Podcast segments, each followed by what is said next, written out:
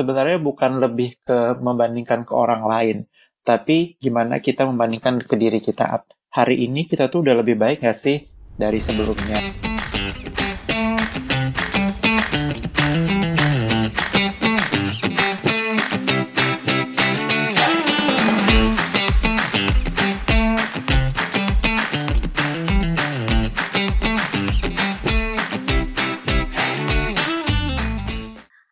Semuanya, selamat datang di podcast Tips and Trick episode 1 tentang growth mindset. Hari ini aku bakal ditemenin sama teman aku, Mas Yogi. Hai Mas Yogi. Halo, halo Ti, apa kabar? Baik, apa kabar? Sehat-sehat ya semuanya. Jadi Mas Yogi ini uh, sebagai background ya, um, dia itu dulu teman aku pas di kantor uh, Mas Yogi ini uh, role-nya adalah dari dulu di kantor sampai sekarang itu di Human Resource Business Partner atau HRBP, uh, di mana job desk-nya itu mentranslate kebutuhan bisnis. Um, gimana sih caranya supaya kebutuhan bisnis itu sesuai dengan needs uh, dari sisi sumber daya manusia di perusahaan tersebut. Betul bukan, Mas Yogi? Betul sekali. Mantap. Jadi Mas Yogi ini dengan backgroundnya pas banget sih untuk episode kali ini tentang growth mindset. Nah, jadi sebelumnya aku ingin cerita dulu dikit kenapa sih um, memilih topik growth mindset ini sebagai episode 1 di podcast Tips and Trick. Pertama, uh, seperti aku udah ceritain sebelumnya, jadi podcast ini kan ingin mengajak teman-teman semua untuk belajar bareng gimana sih caranya menguasai soft skill berdasarkan topik-topik yang nanti akan kita bahas nih. Tapi menurut aku, sebelum kita masuk ke sana, ada pentingnya kita untuk meluruskan niat, celah, um, dan juga meriset kembali mindset kita, uh, sehingga kita nanti pas belajar juga lebih mudah masuknya, dan kita bisa lebih termotivasi untuk menjalankannya. Begitu. Nah, hari ini uh, alur dari podcast yang bakal kita bawain itu terdiri dari tiga part. Uh, yang pertama itu adalah tentang what atau apa. Jadi apa itu growth mindset? Mungkin beberapa ada yang udah pernah dengar, beberapa ada yang baru dengar. Tidak apa, kita belajar kembali apa itu growth mindset. Yang kedua itu adalah so what. Jadi kalau udah tahu apa itu growth mindset, apa sih keuntungannya buat kita? Dan yang terakhir itu adalah yang paling ditunggu-tunggu, yaitu tips and triknya di what next. Jadi gimana nih jadinya ke depannya, apa sih langkah praktis yang bisa kita ambil untuk membangun growth mindset itu sendiri. Nah, jadi tanpa berbasa-basi lagi, aku ingin nanya dulu nih, kita mulai dari apa sih sebenarnya growth mindset itu, Mas Yogi? Nah, um, growth mindset tuh kan kedengarannya kayaknya kata-kata yang benar-benar yang sangat sophisticated banget ya, Tia. Ya. Jadi kayak kesannya, wah growth mindset ini adalah sesuatu yang kayaknya pasti berhubungan dengan dunia kerja lah ya. Um, Tapi sebenarnya growth mindset itu nggak harus berhubungan dengan dunia kerja, bisa dalam kehidupan sehari-hari. Nah, kan ada dua kata ya, ada growth dan mindset.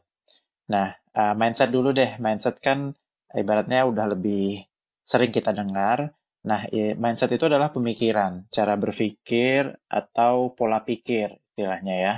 Nah, kalau kita udah punya mindset, itu artinya kita udah terbiasa dengan pola pikir tertentu. Nah, itu akan menentukan kita terhadap cara pandang kita terhadap sesuatu. Jadi, aku kasih contoh mindset ya. Misalnya ada orang yang misalnya kita bilang, oh dia bisnis mindset banget tuh, gitu kan.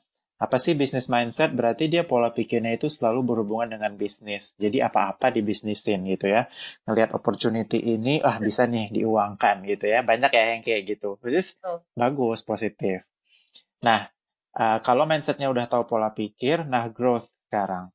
Growth itu mungkin uh, masih nggak uh, banyak orang yang menghubungkan itu terhadap pola pikir. Growth itu mungkin lebih ke misalnya uh, misalnya growth dalam artian yang lebih measured dan bisa diukur ya. Misalnya growth dari tanaman atau growth dari uh, misalnya tinggi badan gitu ya. Biasanya orang melihatnya itu dari sesuatu yang bisa diukur.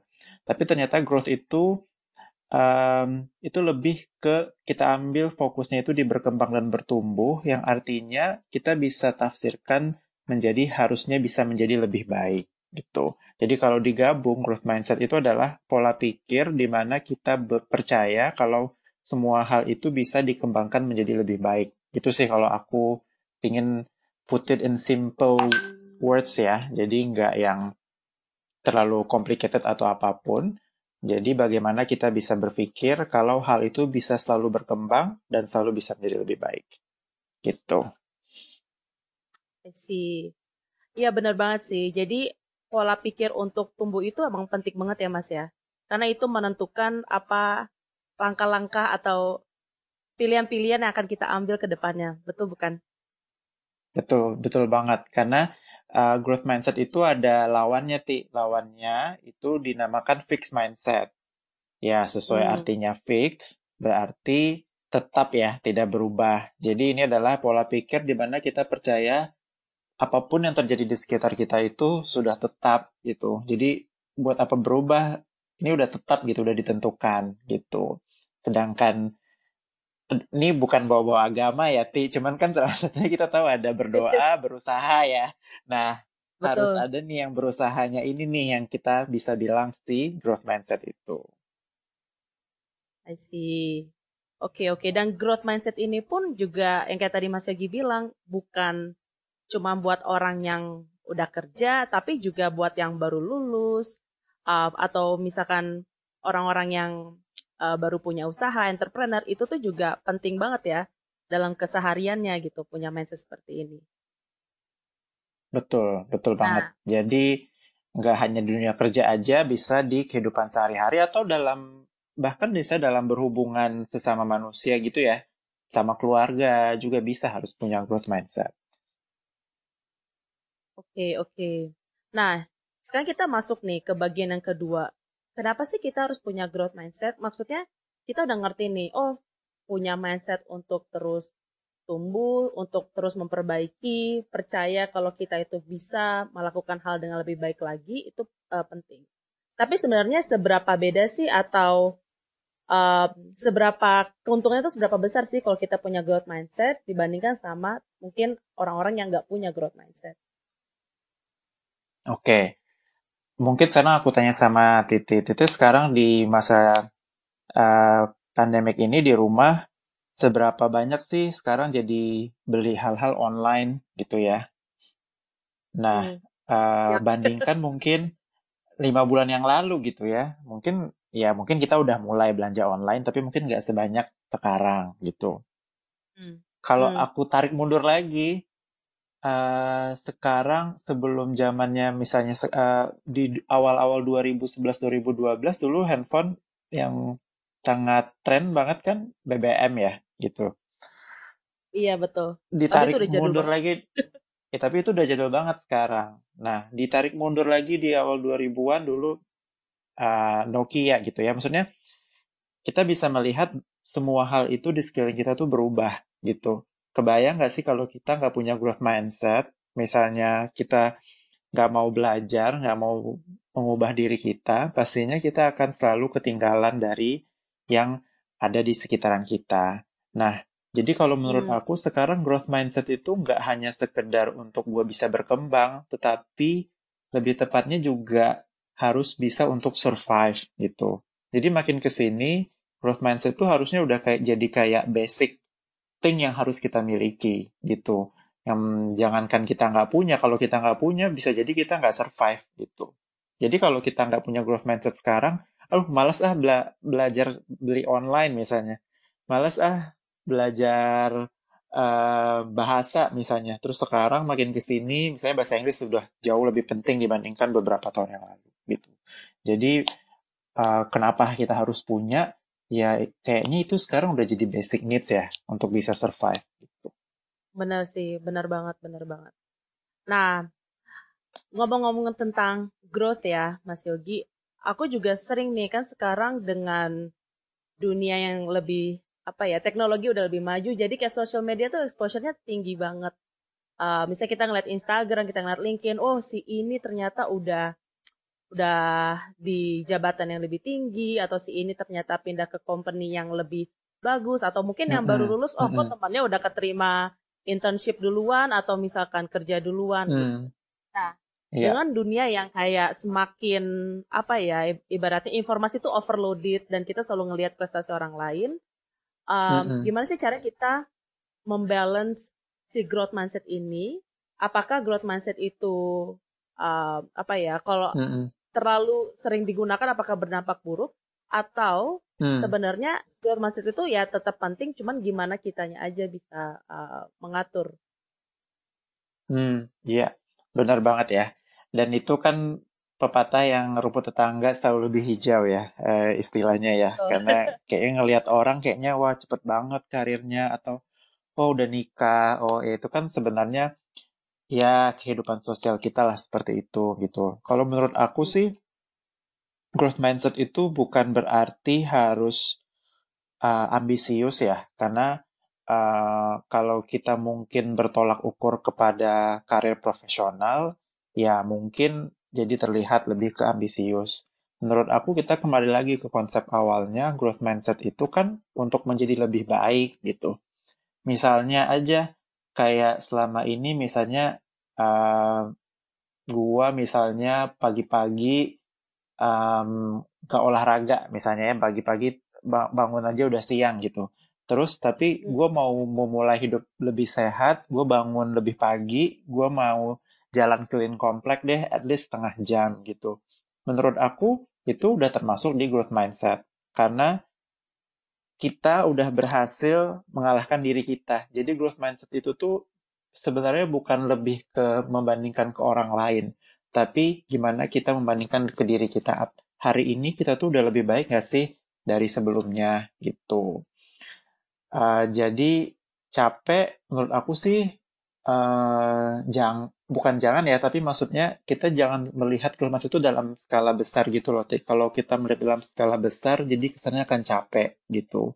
Bisa kok growth mindset itu dari hal-hal kecil-kecil aja gitu. Sesimpel misalnya oh biasanya kalau gue ganti baju gue ngebuang baju gue di lantai. Oke, mulai besok gue masukin ke keranjang tempat baju kotor gitu. Itu kan sebenarnya udah growth juga, udah yang lebih baik gitu.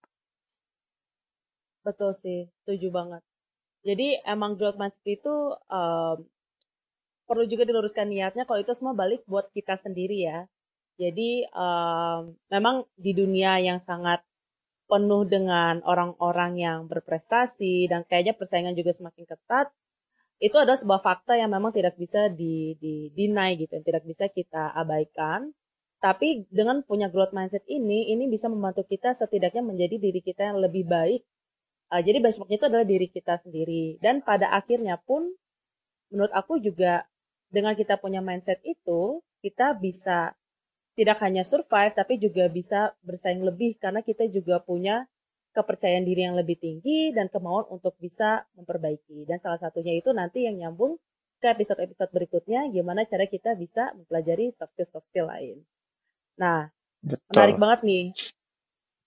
Jadi, pertanyaan lainnya nih Mas Yogi, gimana sih caranya yeah. kita tahu kita tuh udah punya growth mindset atau belum gitu? Atau uh, ada nggak sih cara kita mengidentifikasi lah posisi kita sekarang tuh di mana gitu?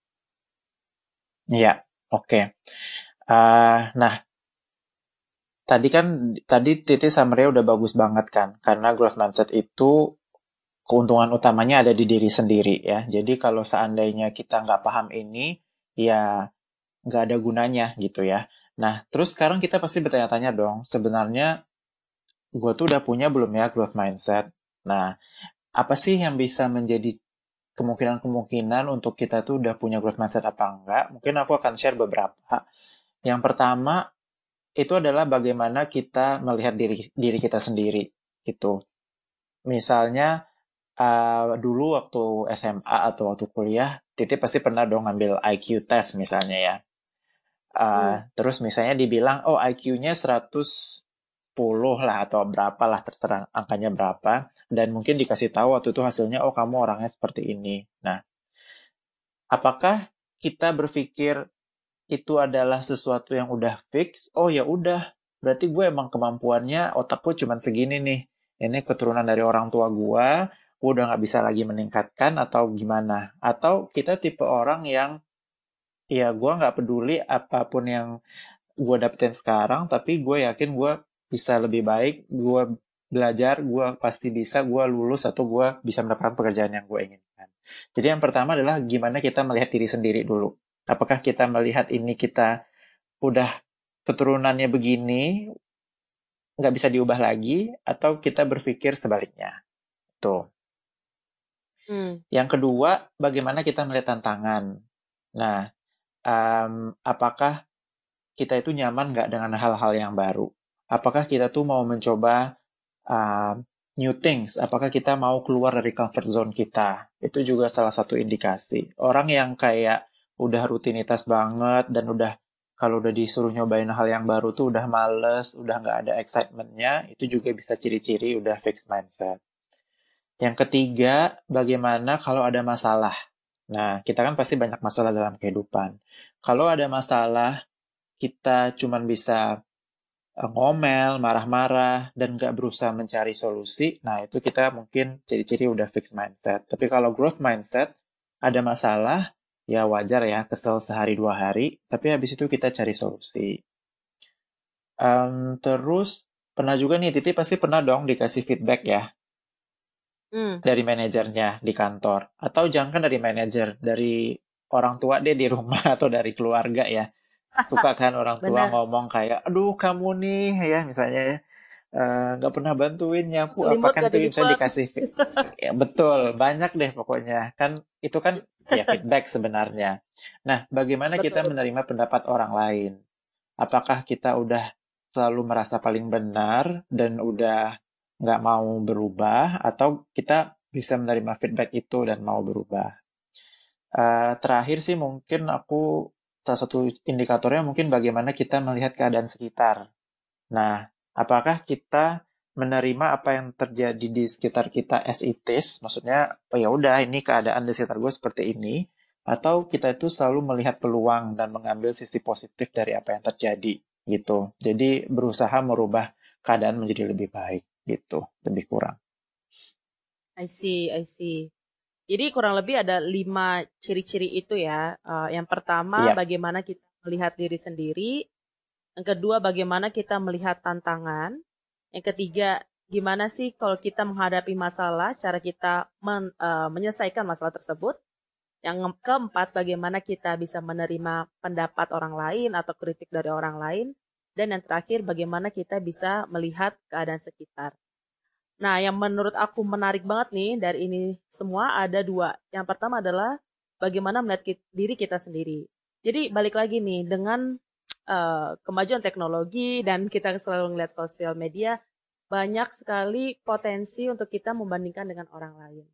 Dan kadang hmm. banyak aku dengar komen gitu ya, misalnya di komen netizen, um, oh, dia kan emang orang tuanya kaya, ya pantesan aja dia bisa hmm. sukses.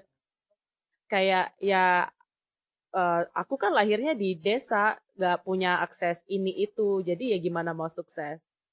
Walaupun yeah. terkadang in some extent atau di beberapa kasus mungkin ada benar uh, benarnya ya, aku tidak bisa bilang itu sepenuhnya salah. Tapi kadang balik lagi ke pola pikir itu yang menghambat kita untuk bisa grow. Karena kalau dengan punya growth mindset, itu pasti akan balik ke poin kedua, di mana gimana sih kita ngelihat uh, tantangan dan bagaimana kita menyelesaikan masalah. Jadi bagaimana kita mencari jalan keluarnya.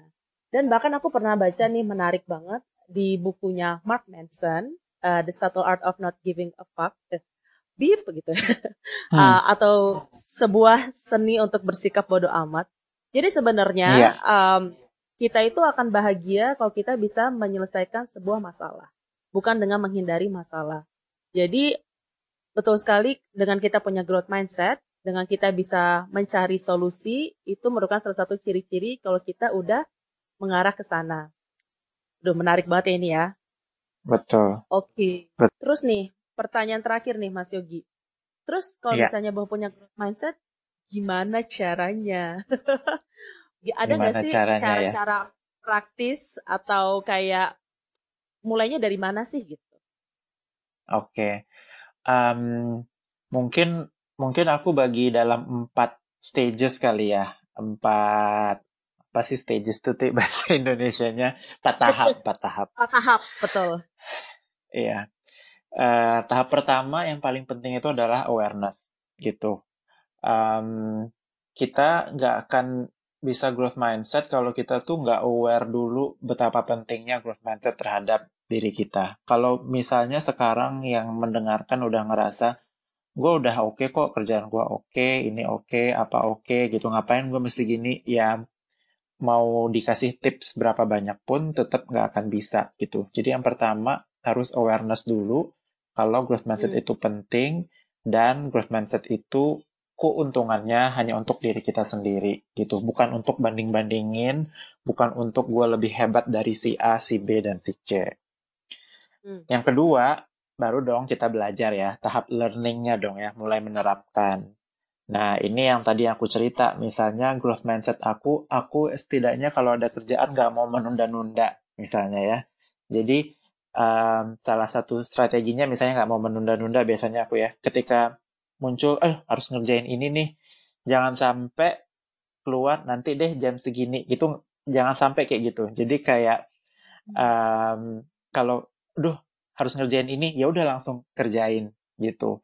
Nah, uh, itu salah satu contoh ya. Misalnya kita mau ngubah supaya kita nggak menunda-nunda. Nah, pasti akan banyak rintangan tuh di jalannya ya. Kayak banyaklah uh, males, males gitu ya. uh, godaan dan segala macem. Nah, di sini resilience-nya akan diuji banget gitu ya. Apakah kita akan bertahan apa enggak gitu. Nah, uh, mungkin penting di stage learning ini untuk mengapresiasi small steps yang udah kita lakukan gitu. Jadi kalau ada progress sedikit aja ya reward diri kita biar kita tahu oh kita tuh udah melakukan perubahan. Nah, stage ketiga mungkin udah lebih ke automation ya. Tadi kan kita udah learning, nanti udah mulai terbiasa. Nah, ini kita udah lebih enak menjalaninya. Kuncinya ya di sini cuma konsistensi aja sih. Jadi kita mulai nanti explore hal-hal lain. Jadi kita oh udah bisa growth di suatu sisi, kita coba lagi growth di hal lain yang ada di di diri kita. Nah, uh, misalnya kan growth itu kan tidak harus belajar hal baru ya. Uh, hmm. Bisa juga correcting current behavior juga bisa loh. Itu bisa growth juga. Ya, jadi jangan berpikir gue itu nggak akan growth kalau gue nggak belajar hal baru. Nggak juga gitu. Uh, bisa juga gue mengubah yang gue lakukan sekarang itu juga bisa growth gitu. Nah, kalau aku hmm. sih akan fokus kalau mau mengembangkan growth mindset, coba fokus yang di correcting di current dulu gitu. Karena takutnya yang kalau ada current yang masih kurang oke okay atau kurang bagus buat kita, itu akan mengganggu proses learning hal-hal baru gitu. Misalnya tadi tahu pengganggu utamanya adalah males gitu ya. Mending coba hmm. ubah yang malesnya dulu dibanding gue mau gue pingin growth gue mau belajar bahasa Korea misalnya gara-gara lagi sering drama Korea gitu ya atau gue mau growth gue langsung mau belajar bisnis apalah digital marketing atau apa gitu tapi kalau tadi yang yang small small thingsnya bad behaviorsnya belum dikorek jadi nanti malah ini gitu nah yang tahap hmm. keempat adalah ketika kita udah melihat result atau udah melihat rewards-nya lah gitu. Jadi kayak udah mulai merasakan perbaikan dalam hidup gitu kan. Jadi udah mungkin malas-malasannya udah berkurang. Tadi misalnya udah mulai nggak menunda pekerjaan. Kalau nggak menunda pekerjaan, tiba-tiba weekend kok kayaknya gue bisa santai-santai karena pekerjaan gue udah gue kerjain. Jadi kan udah mulai merasakan ini something yang good for us, yang bagus untuk kita, sehingga kita akan lebih rajin-rajin lagi melakukan growth mindset. Jadi dia akan natural gitu loh, Ti. Nggak bisa, growth mindset tuh nggak bisa tuh textbook gitu nggak bisa. Itu udah natural gitu. Aku kasih contoh ya. Ini aku ada sedikit uh, ya pengalaman lah, pengalaman buruk. Ya, waktu hmm. weekend kemarin aja deh, weekend kemarin.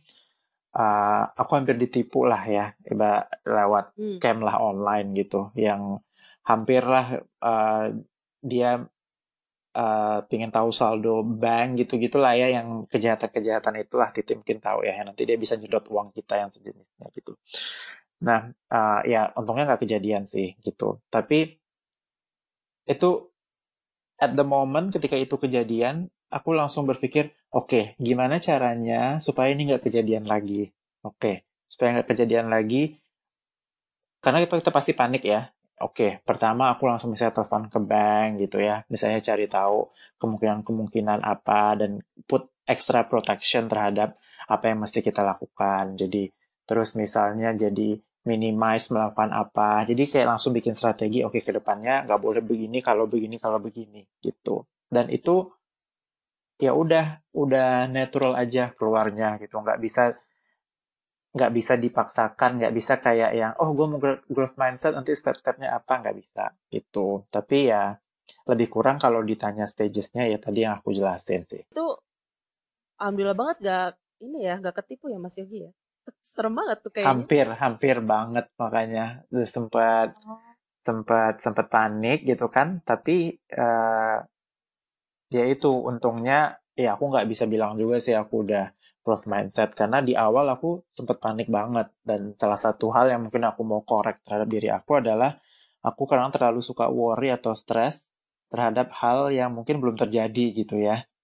Hmm. Jadi Uh, kan aku ya maksudnya sampai ada beberapa data diri aku yang dia udah punya gitu kan. Tempat yang langsung stres langsung mikir-mikir ngomong sama orang di rumah kayak duh duh dia bisa apa ya bisa apa ya bisa apa ya gitu.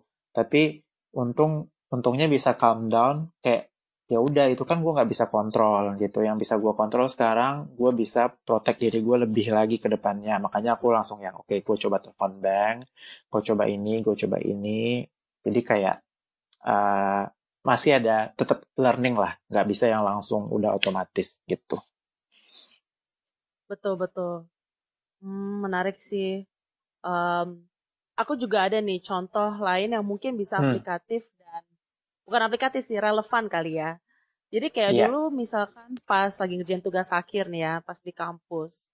Terus kan nggak semua dosen itu apa ya uh, peduli gitu ya dengan mahasiswanya. Ada hmm. beberapa dosen hmm. yang memang sibuk banget, jadi harus dicari. Ada juga dosen yang mungkin um, jarang banget ke kampus, jadi kita juga susah ketemunya. Nah, berdasarkan pengalaman aku juga dulu nih, um, dan dari cerita-cerita orang juga, sebenarnya ada dua hal yang membedakan orang itu lulus kapan gitu ya. Saya terlepas mm -hmm. dari um, konten dari tugas akhir itu sendiri, tapi juga kemauan untuk menyelesaikan tugas akhir tersebut gitu. Misalkan kalau kita dapat dosen yang hilang-hilangan, um, terus sibuk banget susah ketemu, dan ini juga bisa dianalogikan misalkan kayak kita pengen diskusi dengan bos kita, yeah. tapi bos kita juga sibuk banget dan susah ketemu, itu kalau kita punya growth mindset itu tuh kita jangan nyerah dan gak akan nyerah dengan keadaan gitu ya. Um, kita yeah. akan cari cara untuk gimana sih, oh oke okay, si dosen ini sibuk. Terus gimana ya cara supaya bisa ketemu dosen ini? Apakah bisa email dulu, apakah bisa WhatsApp dulu, atau mungkin tanya ke dosen lainnya yang mungkin dekat dengan dosen tersebut atau dalam satu bidang studi. Um, bisa juga kan tanya ke teman-teman lain atau ke kakak kelas mungkin yang dulu pernah sama dosen ini gimana sih cara menghadapi. Mm -hmm. Jadi intinya adalah dengan kita punya growth mindset ini, kita itu by nature atau secara default ya, secara otomatis akan mencari seribu satu cara untuk menyelesaikan sebuah masalah gitu. Dan dan yeah. apa ya um, fokus ke solusi dan juga akhirnya nggak nyerah ke keadaan aja gitu. Uh, dan kita juga berpikir jangka panjangnya kayak ke depannya gimana supaya kita bisa lebih baik lagi menghadapi masalah seperti yang kayak tadi kasusnya Mas Yogi ceritain. Nah, betul. Sebagai penutup nih, kalau misalnya Mas Yogi bisa kasih lima langkah kayak yang bisa banget diaplikasikan sekarang juga tuh kira-kira apa aja tuh Mas? Kayak small small tipsnya ya gitu ya sesuai topik. Uh, yang pertama sih kita um, untuk meningkatkan awareness tadi yang pertama mungkin hmm. put reminder di mana pun kita bisa gitu. Um, dan misalnya yang pertama kita ingin berusaha untuk mencari sisi positif dari sesuatu ya. Coba kita pikirin opportunity-nya apa gitu atau learning-nya apa gitu.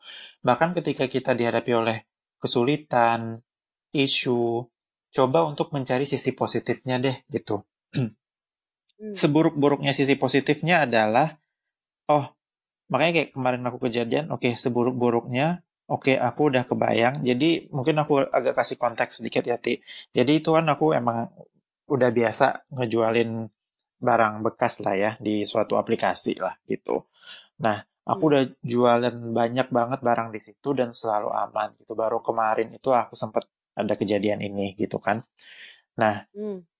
Seburuk-buruknya aku kemarin dapat challenge itu ya udah itu sebenarnya buat learning aku oke okay, ke depannya aku udah put ekstra kalau dua hal ini nggak ditik aku nggak akan mau lanjut gitu. Jadi kayak uh, coba cari aja sisi positifnya oke ke depannya gue bisa jadi lebih baik kayak gitu. Nah cara kadang-kadang kan kita suka lupa yang tadi kita panik atau apa jadi kita lupa untuk itu.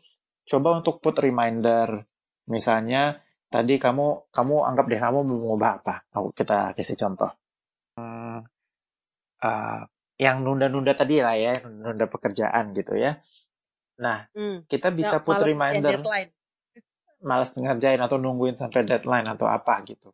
Kita put hmm. put reminder yang yang bisa membuat kita selalu ingat bahwa kita nggak boleh kayak gitu.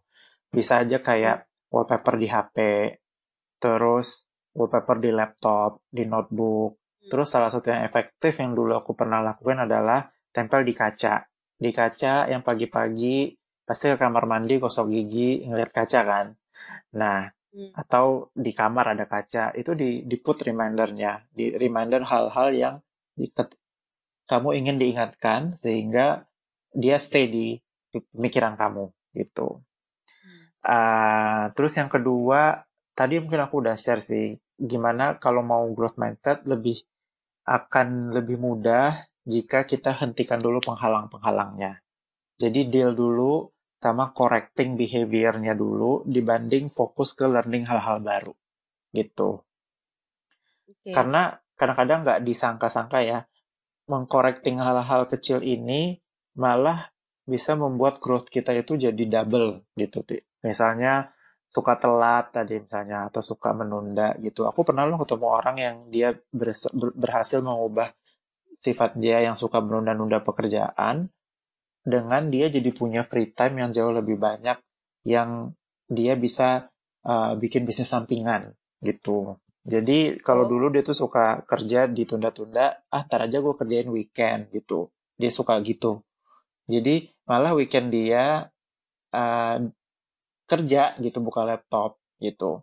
Dan ini bukan karena dia uh, mau ekstra ya emang karena ada pekerjaan yang bisa seharusnya dia kerjain di weekdays tapi dia tunda-tunda gitu nah hmm. sejak dia nggak melakukan itu weekend dia dia bisa malah mengerjakan bisnis sampingannya dia itu sebagai contoh gitu uh, terus yang ketiga progress regularly gitu jadi um, refleksi apa ya merefleksilah apa yang udah dilakukan kalau di awal-awal masih baru-baru, masih latihan, mungkin weekly kali ya. Jadi kayak misalnya spend 30 menit setiap hari minggu.